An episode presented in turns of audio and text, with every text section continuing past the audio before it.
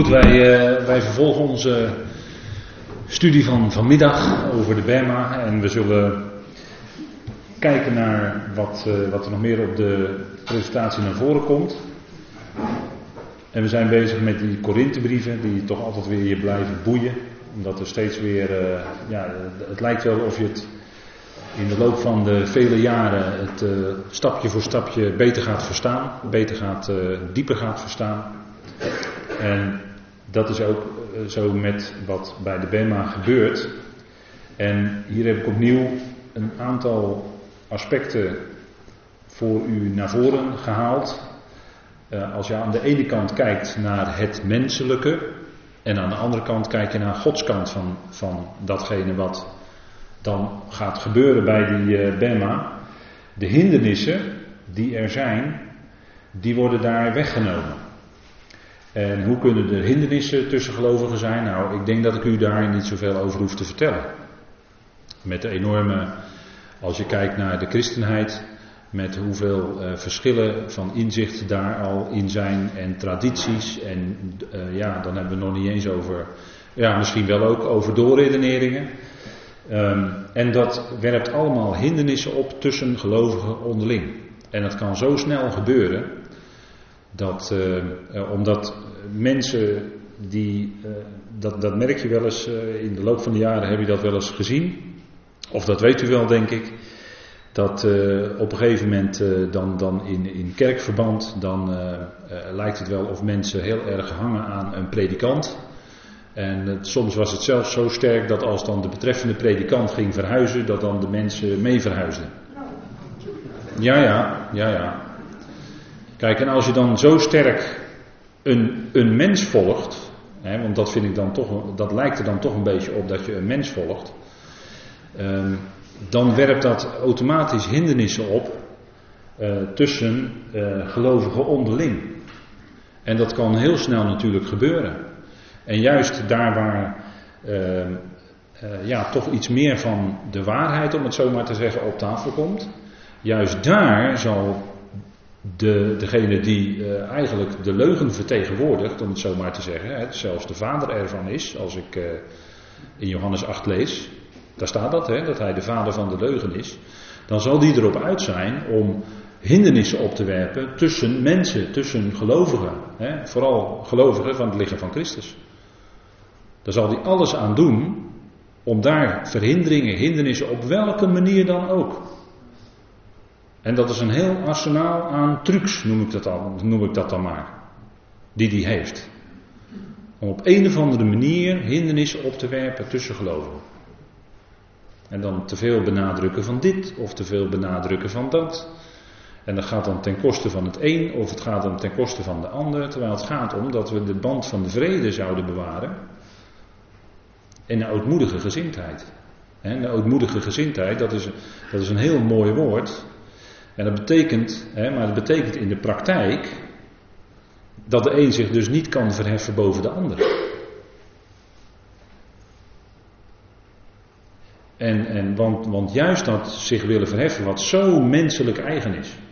En misschien gebeurt dat soms wel op grond van kennis.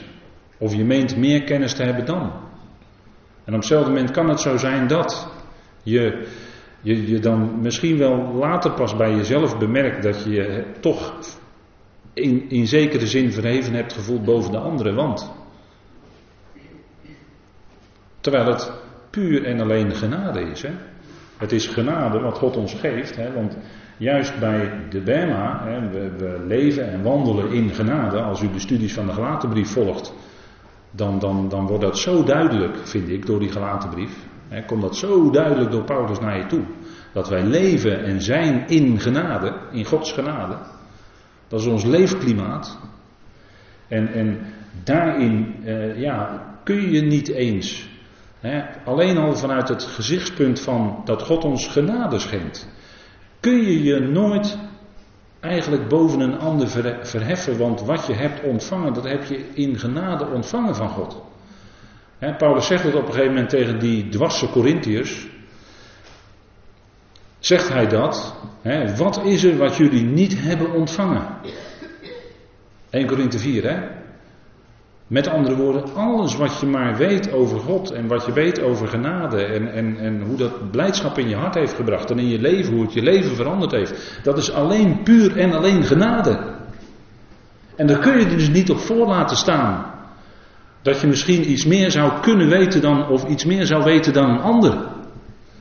Want het is genade dat je het kunt verstaan, dat je het mag verstaan. En dat zou leiden tot een ootmoedige gezindheid in ons. dat, dat is wat Paulus ons voorhoudt.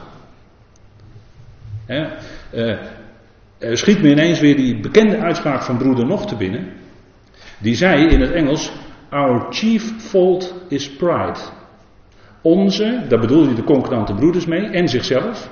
Onze belangrijkste falen is dat wij trots zijn. Trots op wat wij misschien naar voren hebben mogen brengen.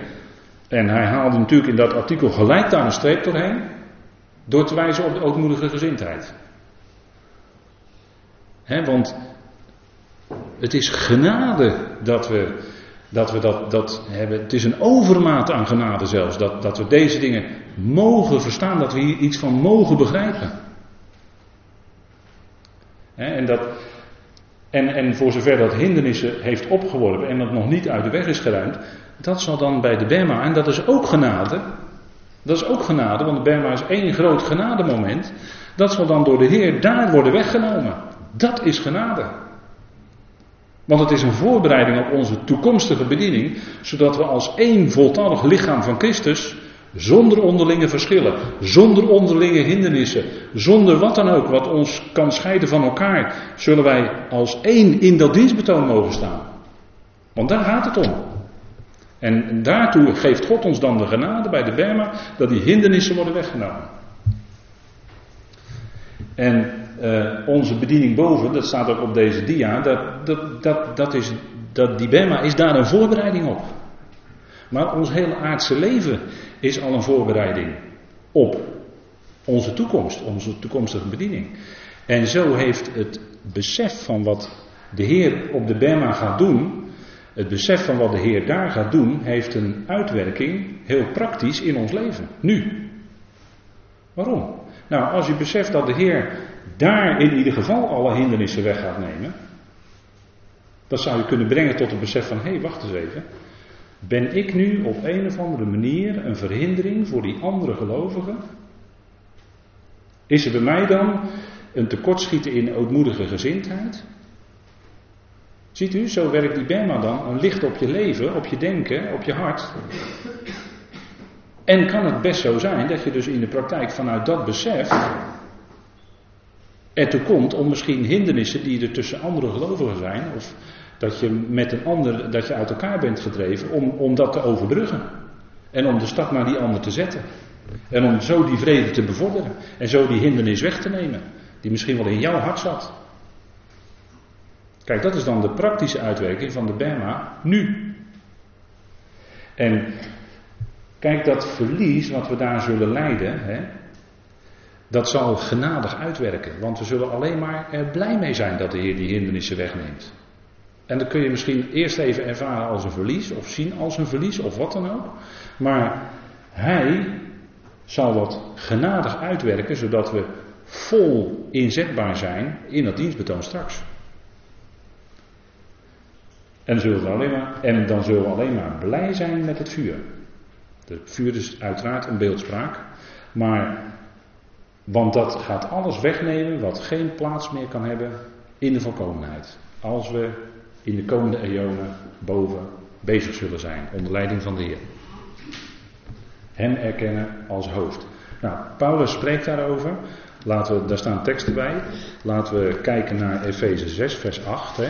Dan zien we even zo'n tekstplaats waarin Paulus in feite, zonder het woord te gebruiken, doelt op de Bema.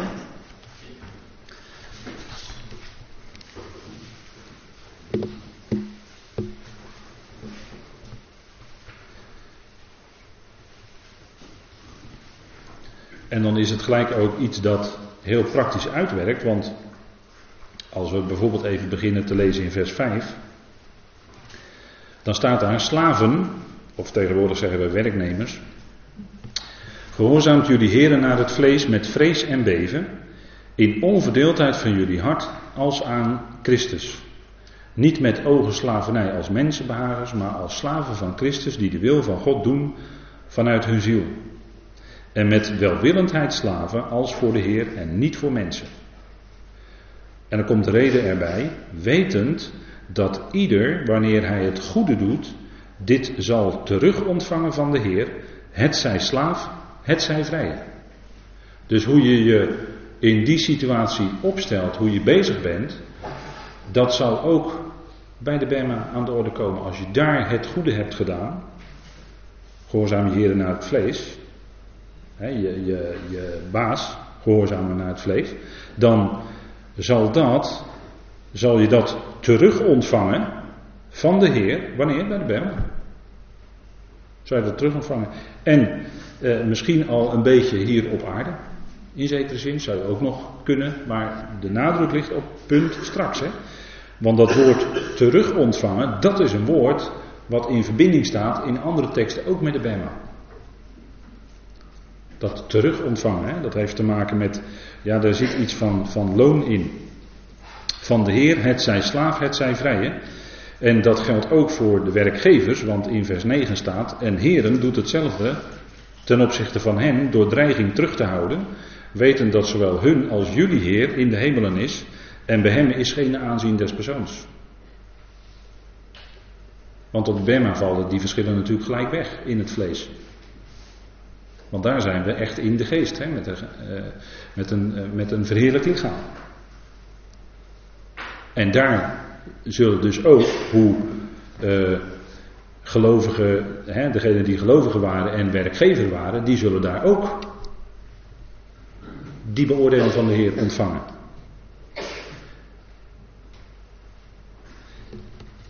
Als we even kijken in Colossenses 3, vers 24 en 25, daar wordt ook daarover gesproken. We het even met elkaar lezen. Colossenses 3.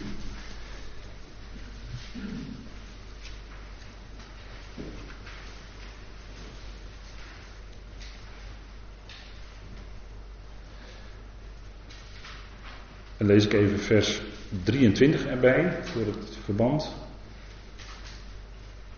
Al wat jullie maar doen, werkt vanuit jullie ziel, als voor de Heer en niet voor mensen. Dat is in feite hetzelfde als in Efeze. Wetend dat jullie van de Heer de vergoeding van de lotgenieting zullen krijgen, voor de Heer Christus slaven jullie. Want wie onrecht doet, zal terug ontvangen wat hij aan onrecht doet, en er is geen aanzien des persoons. Dus hier gaat het om die andere kant. Wie onrecht doet, zal ook onrecht terug ontvangen. Bij de Bema. Terug ontvangen. En die zal uh, op dat moment, hè, dat noemt Paulus in een andere tekstverband, noemt hij dat schade lijden.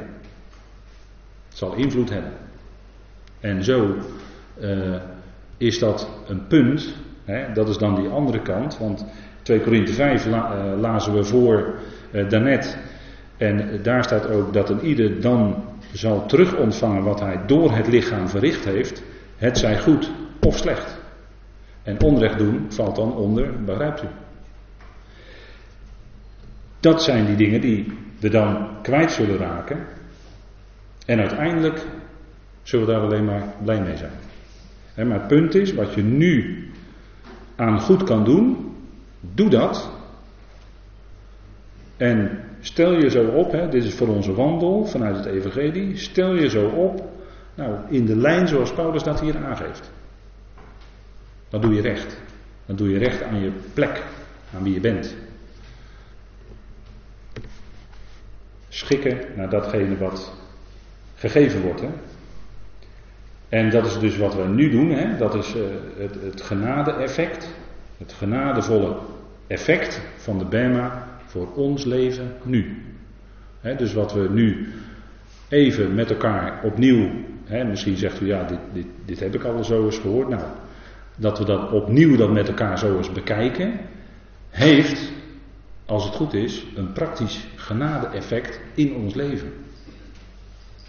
het, wijst naar ons leven van, hé, hey, in je wandel, in je dienst, hoe ben je bezig? Uh, denk erover na in het licht van wat we vandaag uh, bespreken met elkaar, wat we vandaag lezen met elkaar. je leest dat waarschijnlijk wel vaker. En zo heeft die Bema dan een heel praktische uitwerking op ons leven nu. Hè? En wat wij doen, hè, wat wij doen, wat wij doen, wat wij misschien meenden dat goed was, dat zou best kunnen, dat het in het licht van zoals God het bedoelde, ja, toch, niet, toch minder goed was. Misschien waren we toch uh, veel bezig als gelovigen bij tijd en wijle met uh, ons eigen ding doen, om het zo maar te zeggen. Hè? Onze eigen toko runnen of wat dan ook, hoe je dat ook maar wil noemen. Hè? Wat wij doen, ja, maar dat kan best zijn dat dat valt onder dat hout, hooi en stro. En dat verdwijnt heel snel als het moment daar is. Hè, mensen kunnen uh, heel veel inzet hebben gehad. En, en en, en dat is soms eh, verdrietig als je, als je dat uh, moet constateren. Hè, dat mensen uh, heel druk bezig zijn met, met echt hele goede intenties, hele goede bedoelingen. Maar eigenlijk bezig zijn geweest in, in de christenheid. En, en daar klinkt vaak ja, een wonderlijke mix van twee evangelieën. En dan zijn ze als, als, als echte gelovigen heel oprecht. Voor de Heer zijn ze bezig geweest. Maar het, het, was in, in dat wonderlijke mengeling van twee evangelieën waarvan, Paulus duidelijke dingen zegt in, in de gelaten brief.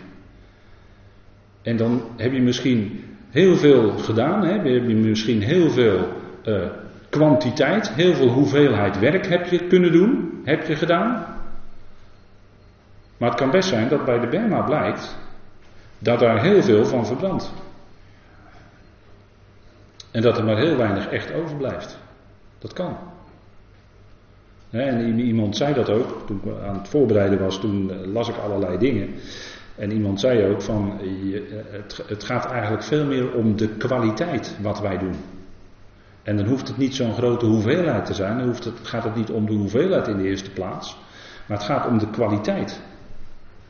En als we dan nadenken over Paulus, bij Paulus was het natuurlijk heel belangrijk dat hij dat evangelie bracht wat de Heer hem had meegegeven.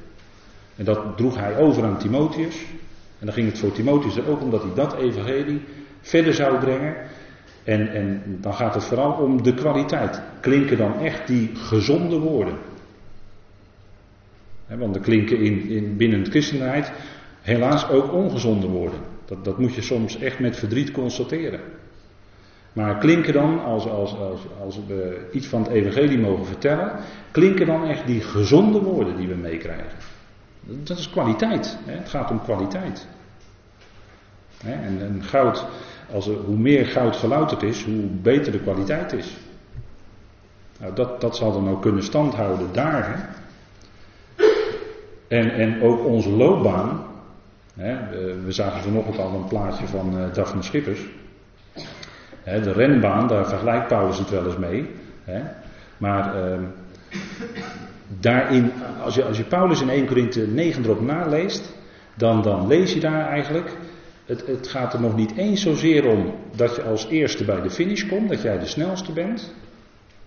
En dat kun je ook overzetten op dat jij misschien in dit aardse leven verschrikkelijk veel bereikt als mens voor andere mensen.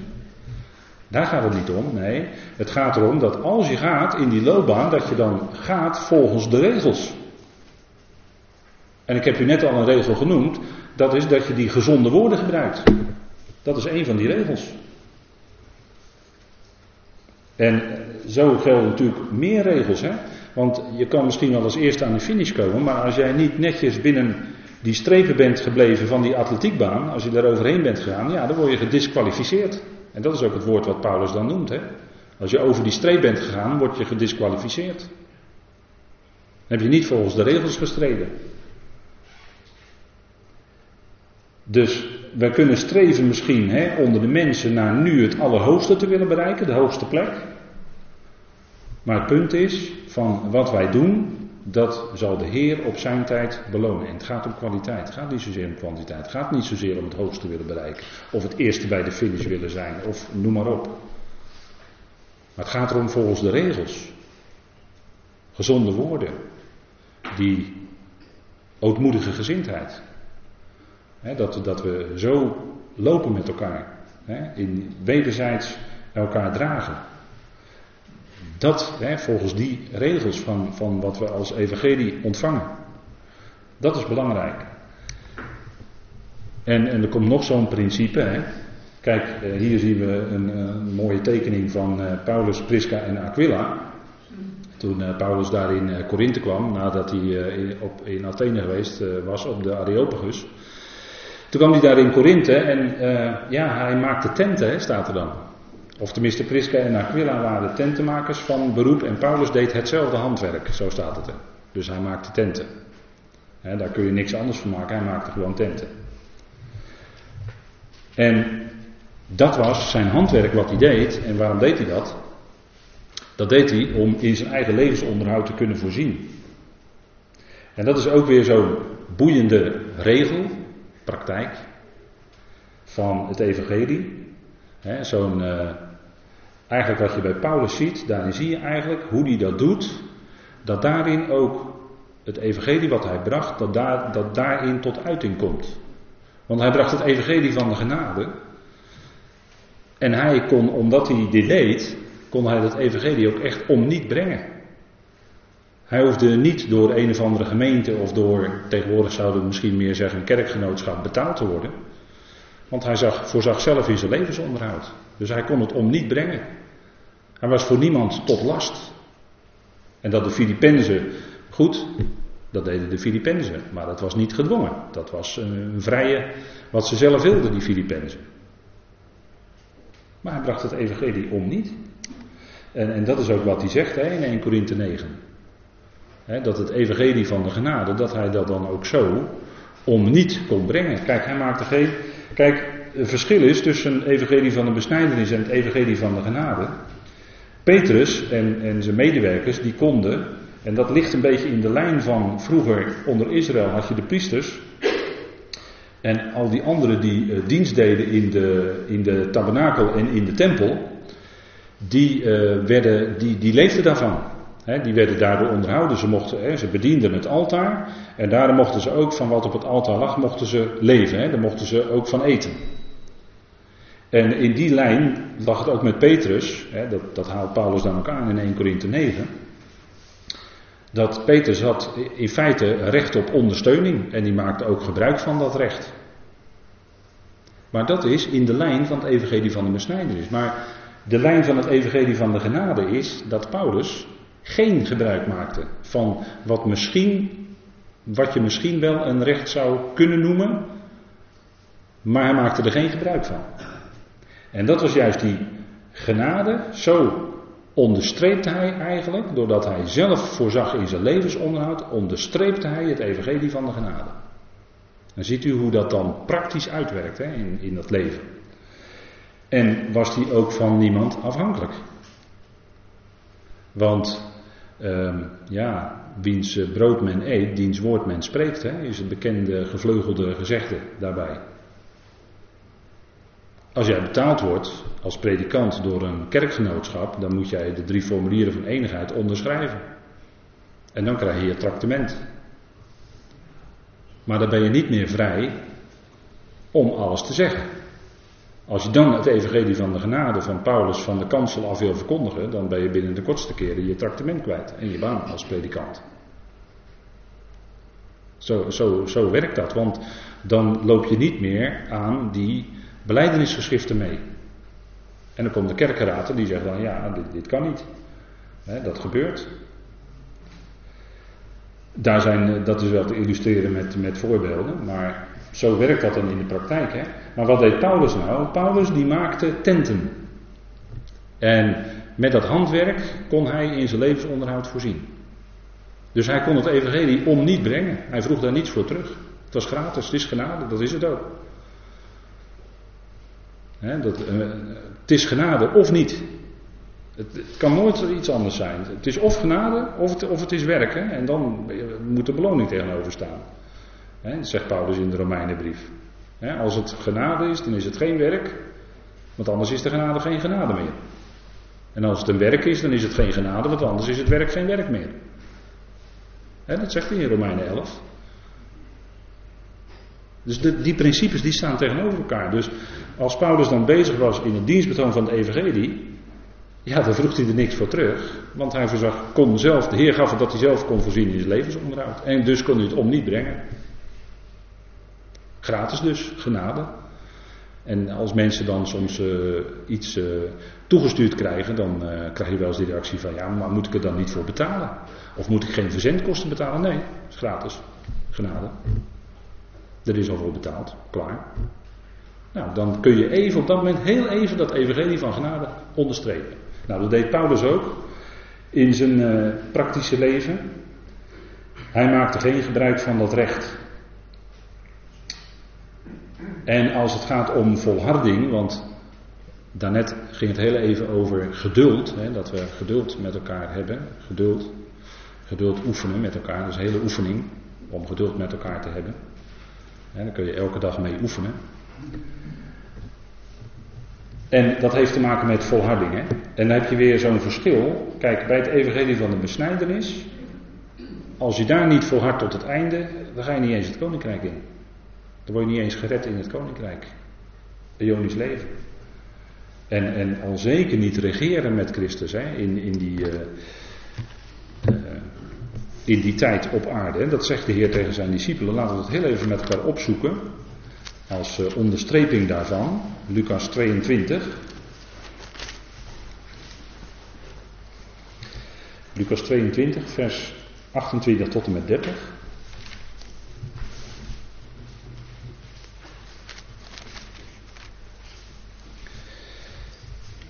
En dan zegt hij tegen zijn discipelen.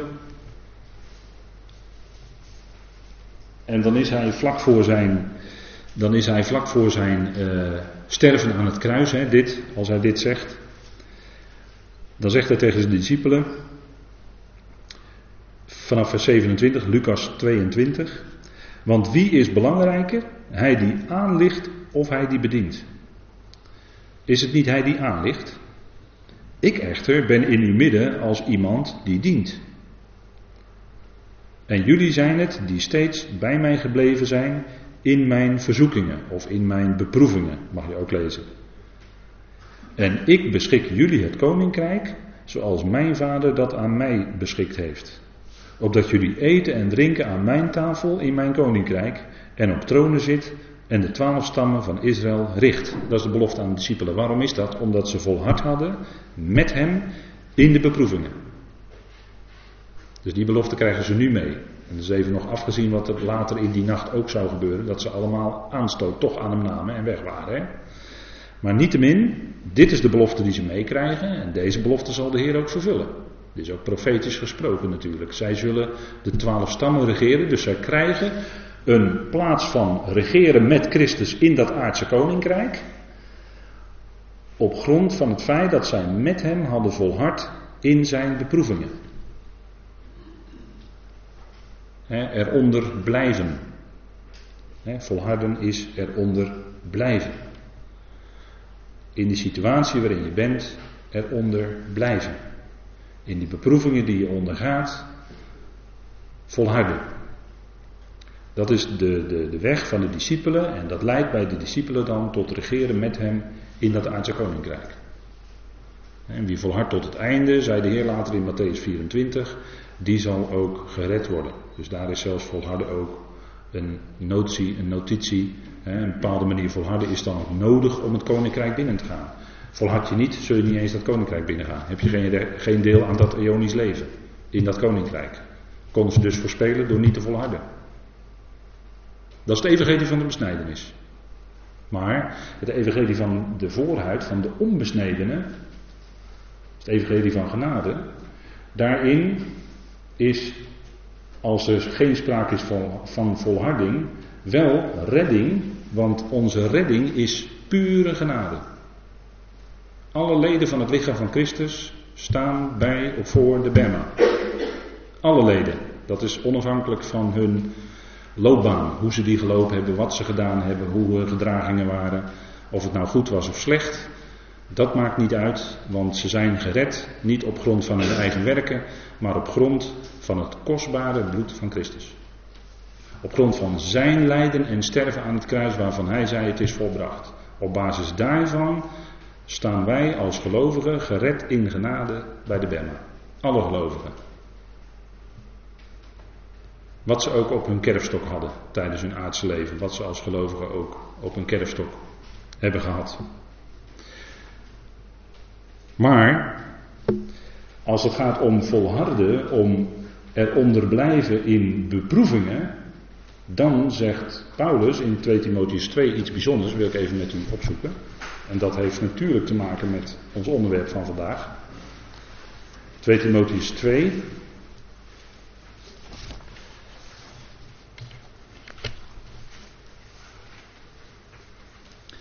En lees ik met u even vanaf vers 10.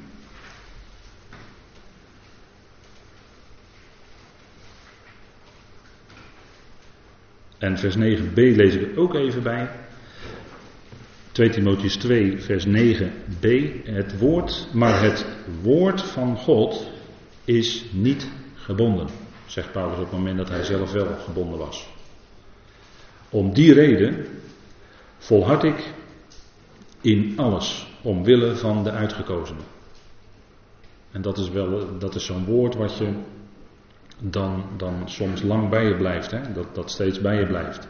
Om die reden volhard ik in alles omwille van de uitgekozenen.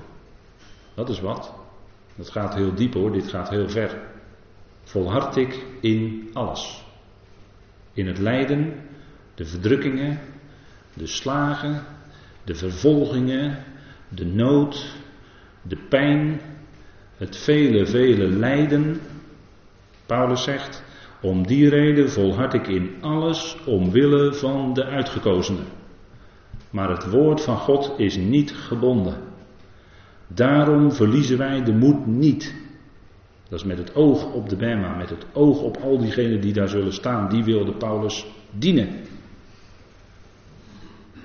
Als naar het voorbeeld van zijn Heer, hè, die hebben we net gelezen met elkaar dat hij had gediend. Hè? De Heer diende in ootmoedigheid toen hij op aarde wandelde. Die gezindheid, die gezindheid, daar gaat het om.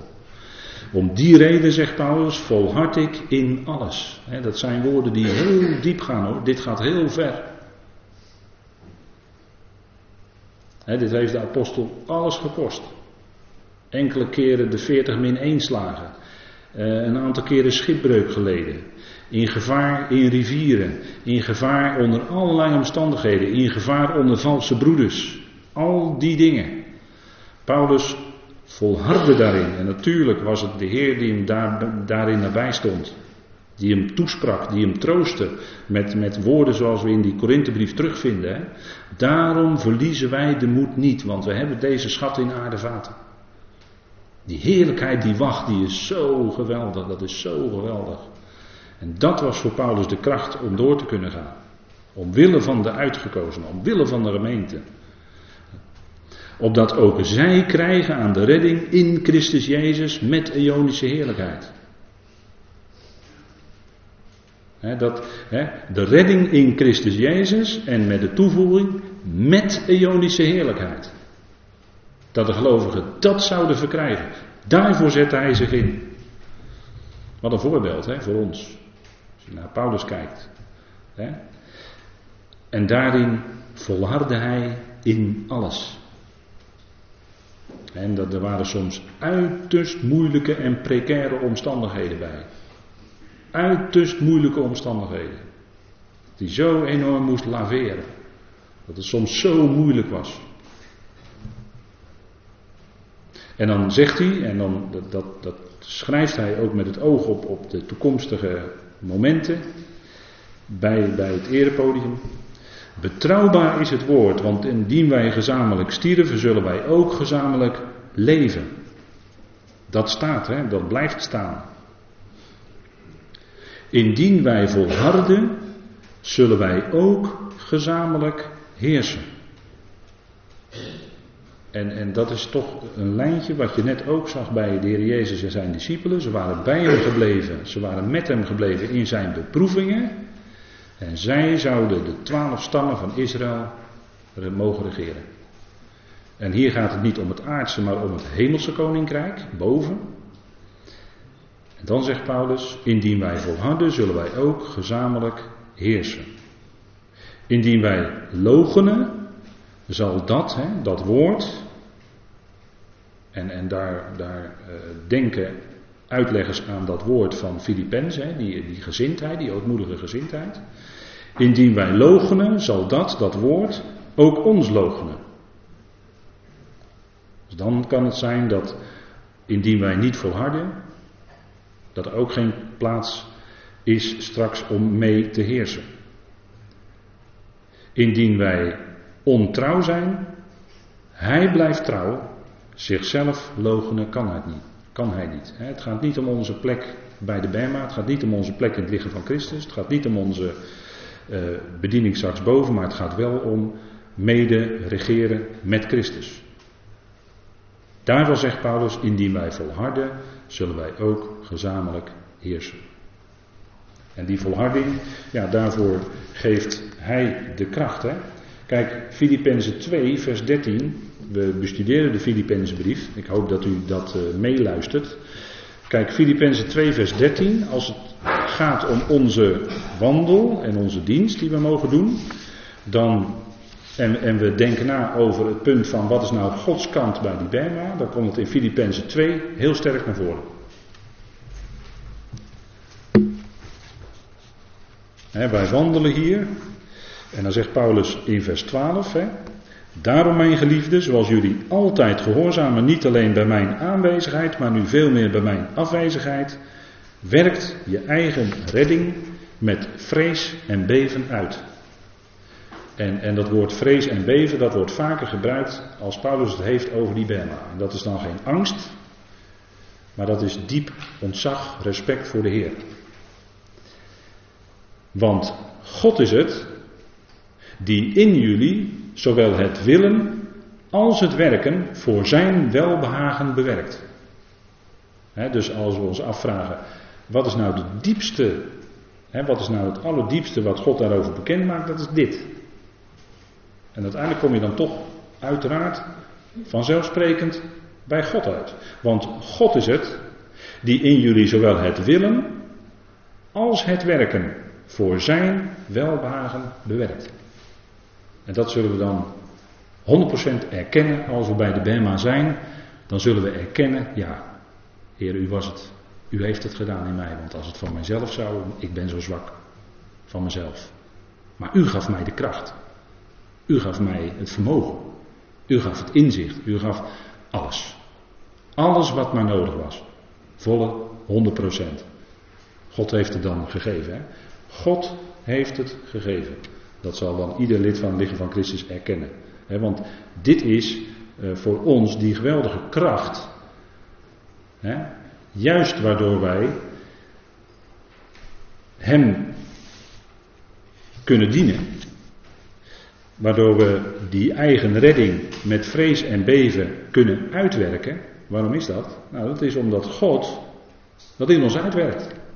En als je naar jezelf kijkt, dan zou je zeggen, nou dan doe ik maar niks meer. Nee, maar dat is op een vleeselijke manier de conclusie trekken. Maar op een manier zoals Paulus dat aangeeft. Paulus zegt juist, en, en kijk eens wat voor een enorm dienstbetoon de apostel zelf heeft gedaan. En hij kon zeggen, ik heb meer gearbeid dan al die andere apostelen. Dus hij was het toonbeeld van hoe het dan uitwerkt.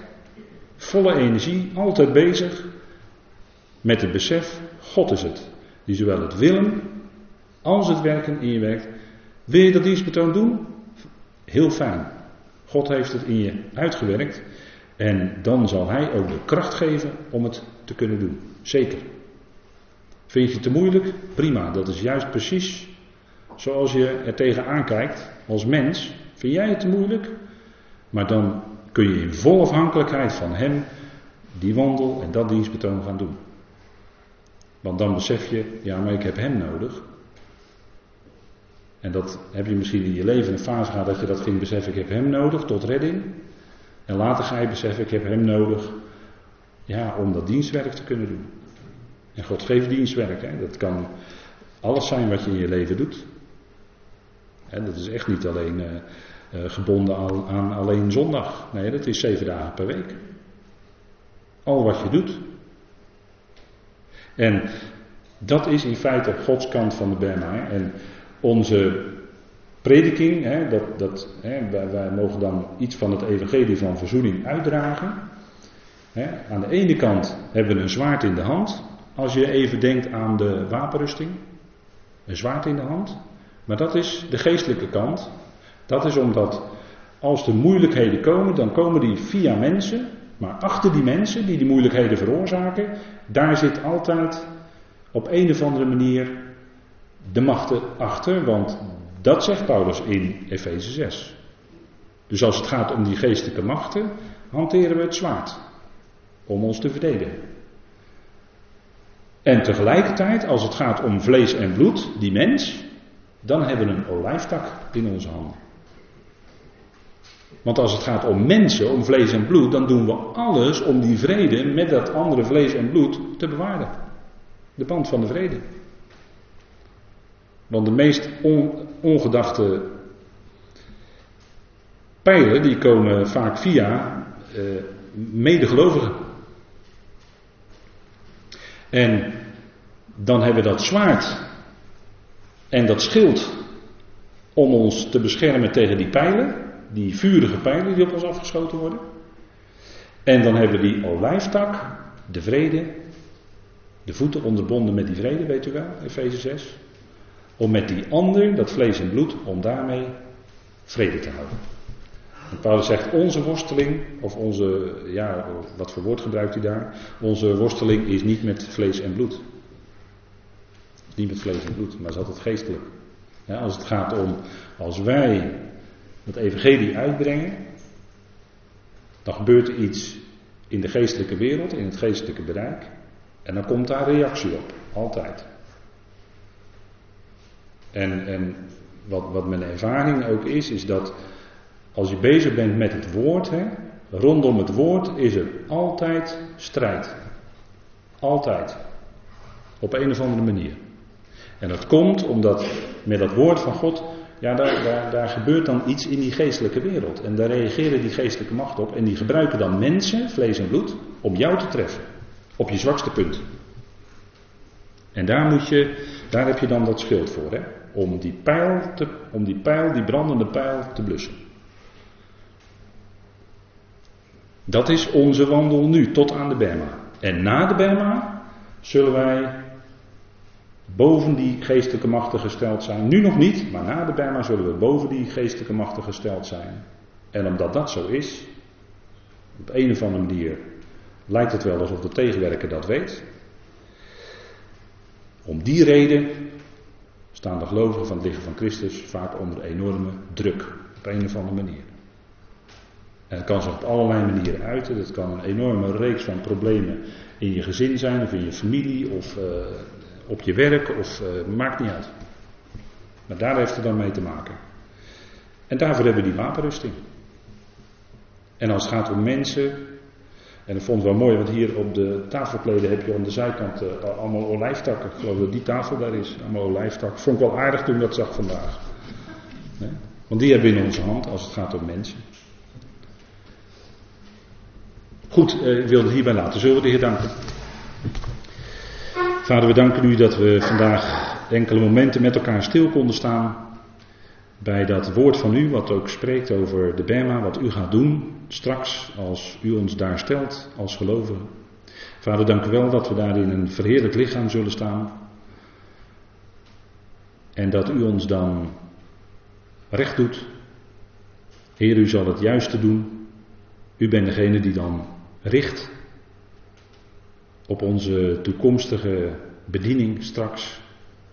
Vader, dank u wel voor dat hemelse koninkrijk waar u ons al ingeplaatst heeft en waar we straks ook lijfelijk zullen zijn.